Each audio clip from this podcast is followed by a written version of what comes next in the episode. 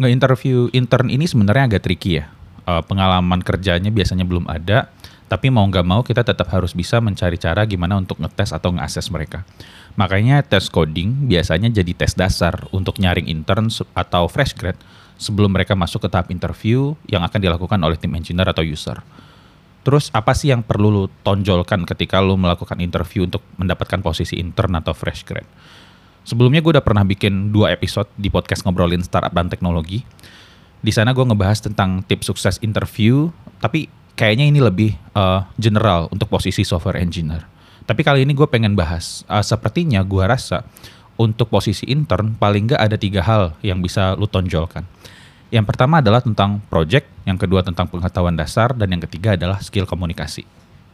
Kita mulai dengan yang pertama, yaitu tentang project yang akan membuat lu berbeda antara satu kandidat dengan kandidat lain ya adalah project-project yang pernah lu kerjain di kampus.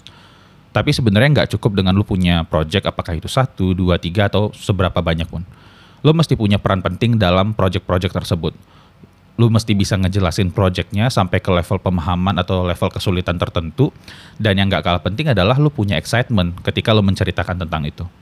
Yang paling penting adalah jangan cuma bahas tentang hal-hal yang sifatnya high level. Misalkan kalau lu pengen lu pernah bikin aplikasi untuk machine learning, kemudian lu cuma ngasih tahu bahwa aplikasinya itu bisa membedakan antara apel dan jeruk.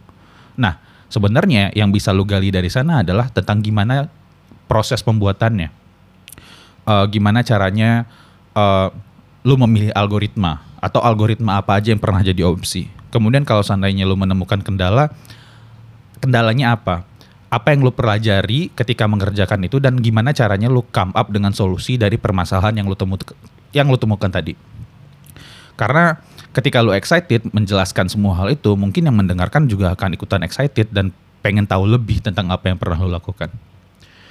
Yang kedua adalah tentang pengetahuan dasar.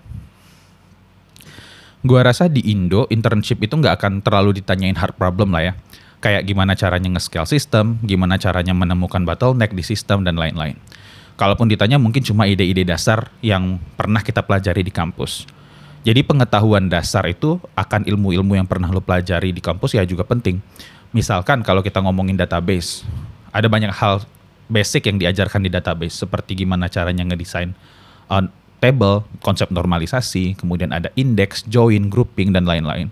Atau kalau kita ngomongin algoritma, ada algoritma sorting, bubble sort, kemudian merge sort, dan lain-lain. Atau mungkin yang lebih general tentang programming language. Ada konsep OOP, kemudian inheritance, kemudian ada banyak hal. Jadi ketika lo interview, pastikan paling nggak lo udah refresh bagian-bagian tersebut. Supaya nanti ketika interview, ketika dibahas, lo tahu jawabannya seperti apa. Yang nggak kalah penting adalah poin ketiga, yaitu tentang komunikasi. Komunikasi ini kan akan menjadi sangat penting karena ini adalah skill yang akan lo pakai untuk bisa menjelaskan tentang poin pertama dan kedua tadi dengan sangat baik.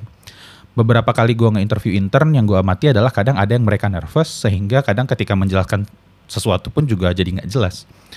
Kalau seandainya lo pengen intern di tempat yang mungkin perusahaan yang multinasional, di mana bahasa Inggris adalah salah uh, bahasa utama yang digunakan, berarti lo harus mempersiapkan kemampuan bahasa Inggris apakah itu kemampuan reading, writing, listening, dan kemudian speaking.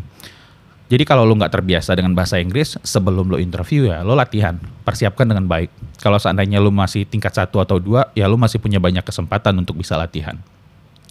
Atau kalau lo pengen internship di company yang lebih lokal, uh, seperti company yang baru grow atau mungkin yang early stage bahkan, gue rasa interviewnya kemungkinan akan menggunakan bahasa Indonesia aja karena kemungkinan uh, employee-nya adalah orang Indonesia. Tapi walaupun begitu, dua-duanya tetap butuh persiapan. Lu harus latihan gimana caranya lu bisa menjelaskan ide atau project lu tadi dengan baik. Kalau seandainya lu pengen latihan ya paling sederhana adalah dengan cara nyari teman yang sama-sama lagi nyari intern, kemudian lu bisa melakukan mock interview. Paling nggak latihan interview. Tujuannya sebenarnya bukan untuk melatih skill teknis, tapi untuk melatih bagaimana lu bisa menjelaskan sesuatu ke uh, teman lu yang interview atau sebaliknya. Jadi biasakan untuk latihan, perbanyak latihan dan mudah-mudahan cara-cara seperti ini bisa membantu lo ketika interview. Jadi segitu aja, semoga bermanfaat untuk kalian yang masih mencari internship atau fresh grad yang lagi nyari kerjaan. Dan kalau seandainya kalian suka dengan konten ini, silahkan support gue di support.imprenagi.com. Terima kasih, sampai ketemu lagi di episode Developer Log berikutnya.